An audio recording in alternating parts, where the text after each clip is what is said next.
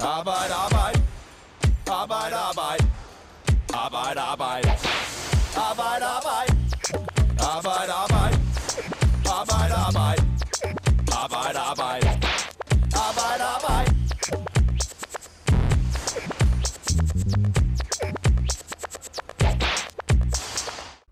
På et lager i Herlev ved København går kinesiske Furong Rongxiang og pakker tingeltangel i kasser. Det kan være ting som en pandasovmaske eller sombreroer. Og det gør hun 60 timer om ugen, uden nogensinde at have en fridag. Hun bor også på lageret, sammen med sin mand, der også arbejder på lageret. På papiret tjener Furong Chang omkring 35.000 kroner om måneden, men hendes arbejdsgiver snupper en stor del af pengene. Det kan arbejdsgiveren gøre, fordi han har Furong Changs nem idé og kontrol over hendes bankkonto. Det her, det er endnu en historie om svindel med den såkaldte beløbsordning, og det er historien om usle arbejdsvilkår til en virkelig ringe løn, og så er det også historien om en kinesisk familiefejde. Jeg hedder Morten Olsen, og jeg er din vært her på Arbejde Arbejde, og over for mig i studiet, der står Susanne Junker, der er journalist på Fagbladet 3F. Velkommen til dig. Tak skal du have. Og John Ikebjerg Jacobsen, der er formand for 3F i København. Velkommen til dig også. Tak skal du have. Det skal jo handle om beløbsordningen i dag. Og det er en ordning, vi har talt om en del tidligere. Og det er også den ordning, der har bragt Furong Chang og hendes familie til Danmark. Og det er en ordning, der i mange tilfælde er blevet udnyttet på det groveste, kan jeg vel godt sige, uden at fornærme nogen, til at underbetalt kinesiske arbejdere i Danmark. Og for dem, der ikke lige ved, hvad den her beløbsordning går ud på, kan du så ikke lige forklare os, Susanne Juncker, hvordan ender Furong Chang og hendes familie i Danmark? Jo, øh, beløbsordning, det er jo et forsøg på at skabe en, en simpel måde, hvorpå vi øh, Danmark kan kontrollere, hvem er, det, hvem er det, der kommer ind for arbejde. Fordi at, øh, vi vil gerne øh, have, at virksomheder, der har brug for øh, højt specialiseret arbejdskraft, øh, de kan få øh, det mind, som de har brug for. Øh, og der har vi ligesom prøvet at sige, okay, fint nok, hvis de vil øh, betale en løn, der er tilpas høj, så vil vi ligesom gå ud fra, at det er en specialiseret arbejdskraft, som de virkelig har brug for. Mm. Øhm, og lige nu betyder det så, at man skal, hvis en virksomhed kan sige, at jeg vil gerne betale den her person 37.000 kroner om måneden, øh, så kan man uden videre øh, få adgang til at arbejde i Danmark. Selvfølgelig skal man igennem en ansøgningsproces. Men, mm. øhm, og for få siden var det 35.000 kroner, mm. dengang det her par, eller dengang, den her gang øh, Fu Chang, hun ansøgte. Ja. Så hvordan, kan du ikke prøve at forklare, hvordan sker det så? Hvordan kommer det i stand? Hun, hun får en kontrakt på 35.000 om måneden. Ja, og så sender man ansøgning til øh, det, der hedder Styrelsen for International Rekruttering og Integration, som vi kalder SIRI. Mm. Og så siger man, at vi har den her kontrakt, øh, vi vil gerne have opholds- og arbejdstilladelse til Danmark. Øh, mm. Og hun skal arbejde 37 timer om ugen.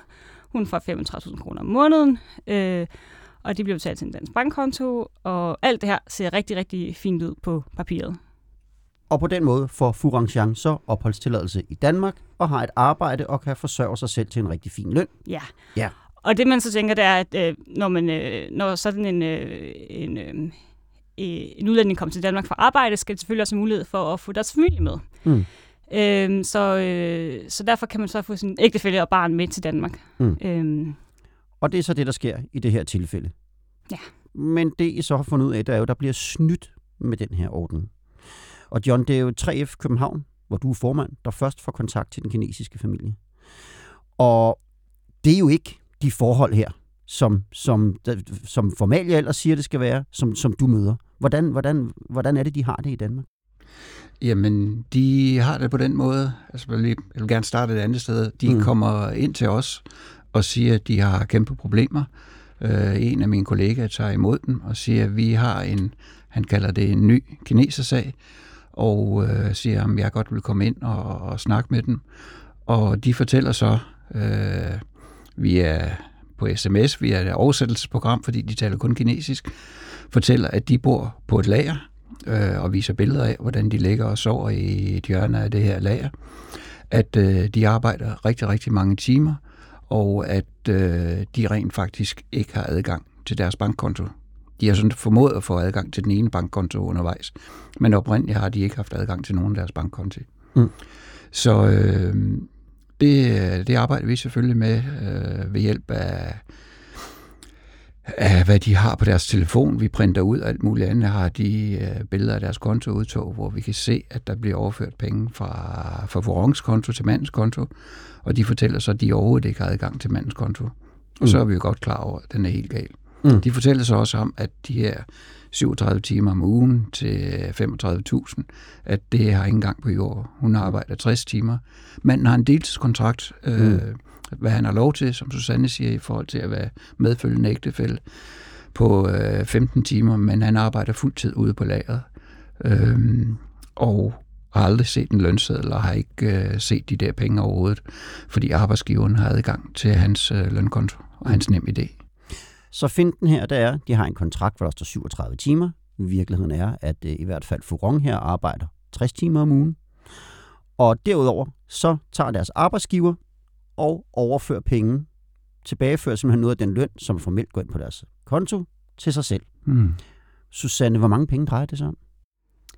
Jamen, i det her konkrete tilfælde, der mm. drejer det sig om 211.408 kroner, øh, som vi kan se, at... Øh, det var meget præcist. Ja, som ja. vi kan se. Det er fordi, vi kan se øh, på mandens øh, bankkonto, at mm. det er det, øh, han har, han har taget. Øh, han er ligesom overført fra kvinden til manden, og så derfra har han overført til sig selv.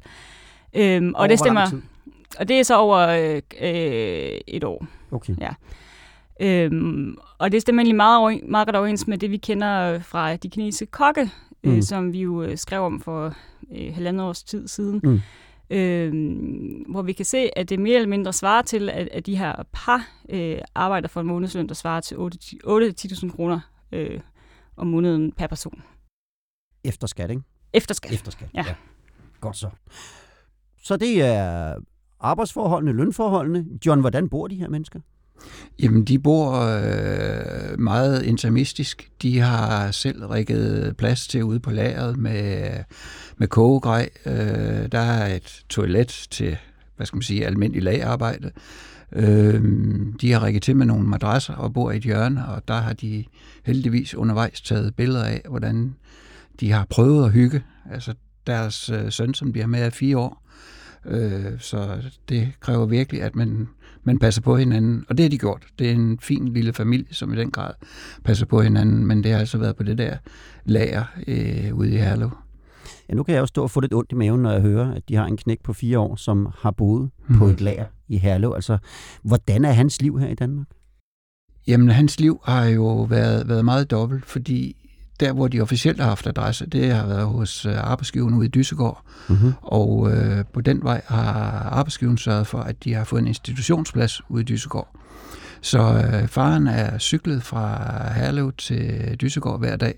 Så øh, vores lille øh, ven her, Vejli, har været i daginstitution, hvad hele familien er rigtig glad for. Men derudover har de så i øvrigt passet sig selv ude på, på lageret, for det har arbejdsgiveren bedt dem om, øh, fordi han har sådan troet med, at de danske myndigheder jo holder øje med dem, så derfor er det vigtigt, at de går under radaren. Mm. Og, og når ja. jeg talte med, med, med moren der for Rangchang, så, så nævnte hun jo også, at det var især det her med, med sønnen, at de ikke kunne tage altså de kunne tage gå en tur med ham, øh, som, øh, som hun var rigtig ked af det øh, over. Øh, hun forhandlede sig på et tidspunkt til, at hun kunne få fri hver tredje søndag, så de kunne gå ud og gå en tur i parken og lave noget med ham, for ellers så tussede han bare rundt på lageret. Og det kunne hun jo godt se. Det var jo ikke et, et rigtigt øh, børneliv. Ja, nu siger du, at hun forhandler sig til en fridag hver tredje søndag, fordi de arbejder syv timer om, eller syv dage om ugen, som mm. jeg forstår. Ja. ja, det er det, de fortæller os. Mm. Ja. Og øhm, hvorfor er det så, at den her kinesiske familie kontakter 3F København, John? Det, det gør de, fordi de er blevet uvenner med arbejdsgiveren. Øh, de har sagt, at de vil simpelthen øh, ikke øh, arbejde så mange timer, uden at få betaling for de mange timer. De vil også have adgang til mandens konto. De, har, øh, de er faktisk ret seje. Øh, de har været i, i Sydbank og forsøgt at få et øh, nyt nem idé til mandens konto. Problemet er, at manden har adresse hos arbejdsgiveren, så hver gang de får et nyt nem idé, så inddrager arbejdsgiveren det. Og det er de sagt, det vil de ikke finde sig i. Nu er det nok. Da de bliver rigtig uvenner, så siger arbejdsgiveren, at I ikke noget arbejde, og jeg meddeler siger, at I ikke har noget arbejde, så I kan bare skubbe hjem til Kina. Og det går de rundt nogle uger, og der er de så kun på ladet og får ikke nogen indtægter, lister sig ned og køber mad. Og det kan de jo godt se ikke er holdbart. Og så har de så hørt via nok de her ting, som Susanne og Fagbladet har lavet, at uh, 3F er nogen, der hjælper kineser, der er i knibe på det danske arbejdsmarked. Mm. Så de kommer ind til os. Øhm, de har ikke sådan lige specificeret, hvem de har hørt det fra, men uh, der er jo sikkert uh, SoMe-tjenester på kinesisk, tænker jeg. Det, mm. De har i hvert fald hørt om os. Ja, fordi vi skal lige, måske lige have med her, at de taler hverken dansk, Nej.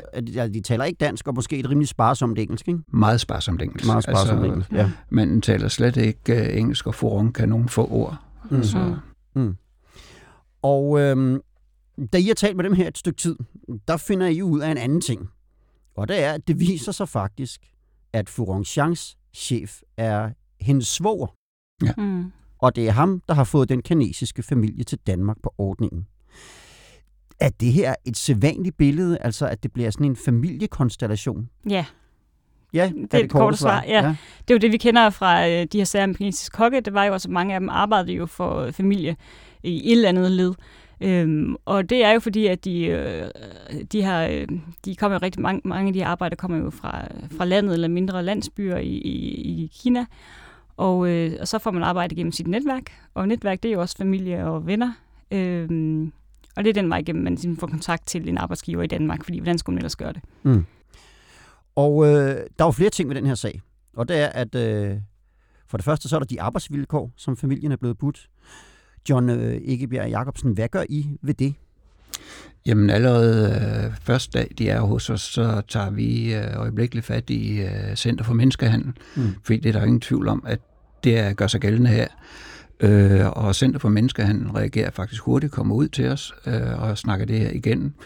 Men fordi de har sygesikringsbevis begge to, og fordi øh, de faktisk ikke føler sig troet. Man kan sige, at de bliver ramt af, at øh, de faktisk er ret seje, ret stærke, og siger, at han tror os ikke, han snyder os, øh, han bedrager os, og det er ulovligt, det han gør. Øh, så kan Center for Menneskehandel ikke gøre noget, fordi man skal være troet, og man skal være frataget sine identitetspapirer. Mm. Øhm, så de henviser så til den måde, vi klarer sådan en politisag. Okay. Ja, fordi det er jo stadigvæk ulovligt, øh, det her med at, at tage folks ID og styre deres bankkonti og, og sådan noget. Ikke? Ja. Og den del af sagen, øh, hvad sker der med den? Jamen, vi, øh, vi prøver først med, med en politienhed, der hedder NEC, som efterforsker økonomisk kriminalitet øh, og menneskehandel. Men øh, de siger så, at det er en almindelig politisag, i og med Center for Menneskehandel ikke vil reagere, så vil de heller ikke. Og så melder vi det til Københavns politi, hvor de arbejder, og øh, Nordsjællands politi, hvor de officielt har adresse. Og det mm. går der et par uger med, før de bliver enige om, at det så er Nordsjællands politi, der har den. Og det fik Nordsjællands politi midt i december, og øh, vi har rykket hver tredje uge og sagt, at det er alvorligt. Det er helt sikkert, at arbejdsgiveren vil tømme de her bankkonti, hvis de ikke reagerer. Og øh, som Nordsjællands politi har sagt til Susanne, så er de ikke nedprioriteret sagen. De har bare ikke haft tid til at opprioritere den. Så der er ikke sket noget endnu fra politiet. Okay. Og det øh, er jo trist for den her lille familie. Øh, men der er også den anden side af sagen. Der, I, I, I prøver jo at køre en sag på at, at få, ligesom at, at få, få deres løn, ja. som de er berettiget til. Og, og hvordan går det med det? Hvad kan I gøre der? Jamen altså, øh, når det er en uorganiseret arbejdsgiver, som der ikke er overenskomst med, så ender vi i retten med den. Mm. Og øh, der er så to muligheder. Hvis han ikke ejer ret meget selv, så indgiver vi en konkursbegæring og siger, at vi skal have de her penge. Øh, og ellers så må vi køre en, det, der normalt vil være en fagretslig sag i det her faglige system. Øh, det er vi så nødt til at køre ved byretten. Mm. Og øh, det får vi faktisk svar på næste uge, om, øh, om det overhovedet er. Og det drejer sig faktisk om mange hundredtusind også. Mm. Så ham arbejdsgiveren her, familiens svoger, mm. han står altså foran muligvis to forskellige retssager. Ja, det ja. gør han. Godt så, ja. Altså man kan sige, øh, de, øh, den her danske kinesiske familie, som har snydt ægteparet, de er jo, øh, hvad skal man sige, så frække, eller er sikre på, at de har ret til at gøre det her. Så de faktisk har indrømmet, at de har tømt mandens konto. Øh, og vi, Susanne har set kontoudtoget i øh, Sydbank, at det er 211.000, og derfor ved vi, at de har tømt den. Mm. Det mener de så, at det skyldes noget familiegæld. Men sådan opererer vi ikke i Danmark. Altså, man er ikke ret til at have andre folks nem idé, og man er heller ikke ret til at tømme andre folks konti. Nej, for kan du ikke lige uddybe det øh, igen? Hvad er det den øh, familie, som så angiveligt har stået for, for svindlen her, altså den kinesiske families arbejdsgiver, hvad er det, de siger om de faktiske forhold her? Øh, jamen, jeg ringede jo til ham, øh, og så øh, sagde jeg, at jeg ringede angående det her par, der havde arbejdet ham, og så vil jeg bare lige høre, hvad aftalen egentlig var. Øh, og så siger han øh, med det samme, at, øh, at de er fulde af løgn, og han er for travlt til at snakke med mig. Mm. Øhm, og så siger jeg, så får jeg tilbage en sms fra ham, øh, faktisk fra hans kone, som jo er søsteren til øh, manden her ægteparet, der er blevet snydt. Øhm, og hun siger, at hun er rigtig ked af, at vi bliver indblandet i deres familieuenigheder. Øhm, og så forklarer hun, at, øh, at der er overført penge, men det er altså fordi, at de har lagt ud for flybilletter, øh, mad, husleje. Men, men øh, og ægteparet bekræfter, at de har rigtig nok betalt for mandens flybillet, eller undskyld for kvindens flybillet, da hun kom første gang. Og så har de en aftale om, at vi skal betale husleje 3.000 kroner om måneden for at bo der i et værelse på ladet. Mm. Øhm, men det er jo ikke noget, der beløber sig på 211.000 kroner. Og det jeg spørger om, hvordan de vil redegøre for det, så stopper de med at svare. Det jeg spørger om, hvordan de, øh, hvad de siger til, at 3F nu har et krav mod dem, så stopper de med at svare. De, de svarer ikke andet, end at det er familieuenigheder, de er simpelthen så ked af det. Mm. Og det er så der, den sag står lige nu. Men det er jo ikke første gang, og det er jo derfor, vi også tager fat i den her beløbsordning igen. Og du har nævnt kinesiske ja. kokke, Susanne, et par gange her i løbet af de seneste minutter, og det er fordi, vi har set tidligere en lang række eksempler på denne her beløbsordning, brugt til at hive kinesiske kokke til Danmark, hvor de arbejder på asiatiske restauranter, under forhold, som også er urimelige. Det er de samme lønforhold. Det er noget med at sove på en palle i baglokalet. Det er noget med at stort set aldrig ja. at have en fridag. Ikke? Ja. Og hvor står den sag nu? Fordi der havde vi jo rigtig, rigtig mange sager sidste år. Ja. Øh, jamen, ved, ved årsskiftet blev der jo indført øh, en masse ny lovgivning, øh, som gjorde, at man, øh, at man på forhånd kunne afvise, man bedre kunne afvise flere af de her sager, hvis man mistænkte, hvis man mistænkte at der var tale om snyd. Det som, øh, som ministeren Mathias Tesfaye kalder formodningsreglen, at hvis man formoder, at der er snyd her, så kan de afvise dem på forhånd. Øhm, og vi så blandt andet tidligere, at hvis en restaurant tidligere blev taget i, at, at de ikke havde udtalt den rigtige løn til deres kokke, så kunne de flux få nye kokke, øh, fordi man ligesom skal påvise, at det er den enkelte sag, der taler om snyd, og det, og det kunne sige ikke dengang. Øhm, så nu er det sådan en formodningsregel. Øh, det er også blevet indført, at, øh, at, øh, at ægtefælden, den medfølgende ægtefælde, ikke uden videre kan få arbejde på samme restaurant. Så skal vedkommende også ligesom have en, en øh, beløbsordningsløn og sin egen arbejdstilladelse derigennem.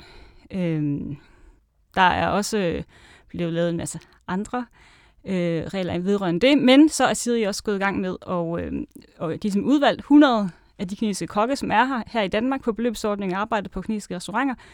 De udvalgte 100 af dem, og siden august øh, har de så interviewet hver enkelt øh, for at finde ud af, hvilke øh, arbejdsvilkår det egentlig er, de har. Mm. Øhm, tidligere har Siri udelukkende siddet og kigget på, hvad er det for en løn, de har fået udbetalt, mm. og så har og på, på, papirerne ser alt jo korrekt ud. Mm. Øhm, de lavede det her interview siden august, øh, og ministeren siger, at de er klar til at fortælle om, hvordan det er gået om et par uger. Mm. Øh, altså, det bliver rigtig spændende at høre om. Mm. Man, man kan jo godt frygte det helt store, øh, den helt store øh, trussel, som arbejdsgiverne kan hænge over de her menneskers hoved, det er jo, at hvis I fortæller om, hvad det, hvad det egentlig er, der foregår, så ryger ud i Danmark. Mm. Så der er ikke nogen motivation for de her kokke til at fortælle om, om de egentlige forhold. Øhm, og det kan man jo så spørge sig selv, øh, kommer den motivation til at være til stede, når de sidder over for en serie medarbejder? Mm. Øhm, Men det i hvert fald, synes jeg, lyder som et øh, spændende forløb, et klimaks på alle de sager, vi nu har set her inden for det, for det seneste års tid. Ja. Som venter et par uger ud i fremtiden. Ja. ja. Og jeg skal lige her til sidst høre den kinesiske familie, som vi har talt om her i dag. Hvor er de nu? Jamen, de er stadigvæk i Danmark, men de rejser ud her i april. Det har været rigtig svært for dem at finde et øh, fly tilbage til Kina på grund af corona, og øh, de har jo ikke lov at være her længere, så, så de rejser ud her i april. Øh, deres øh, store ønske er selvfølgelig, at vi fortsætter øh, de her to sager, så de i hvert fald får nogle penge ud af det. Kvinden øh, fik jo overbevist, Forong fik overvist øh, Sydbank om, hun skulle have adgang til sin konto, hvilket betød, at de havde lidt penge, og dem er de stort set brugt på at købe flybilletter, øh, og skal så i karantæne, når de kommer hjem til Kina. Så for at de ikke kommer tilbage med, med gæld, så håber de selvfølgelig, at vi får skaffet nogle penge. Mm. Og det gør vi. Øh, hvor mange det drejer sig om, det ved vi ikke, men i første omgang, så skal vi i hvert fald have politiet på banen. Mm. Og er de kede af, at de skal hjem til Kina? Meget. Mm. Meget. Ja. Rigtig meget. Altså det, den her, det her danske samfund med, med børnehaver og tingene i øvrigt fungerer godt, de, de vil rigtig, rigtig gerne blive her.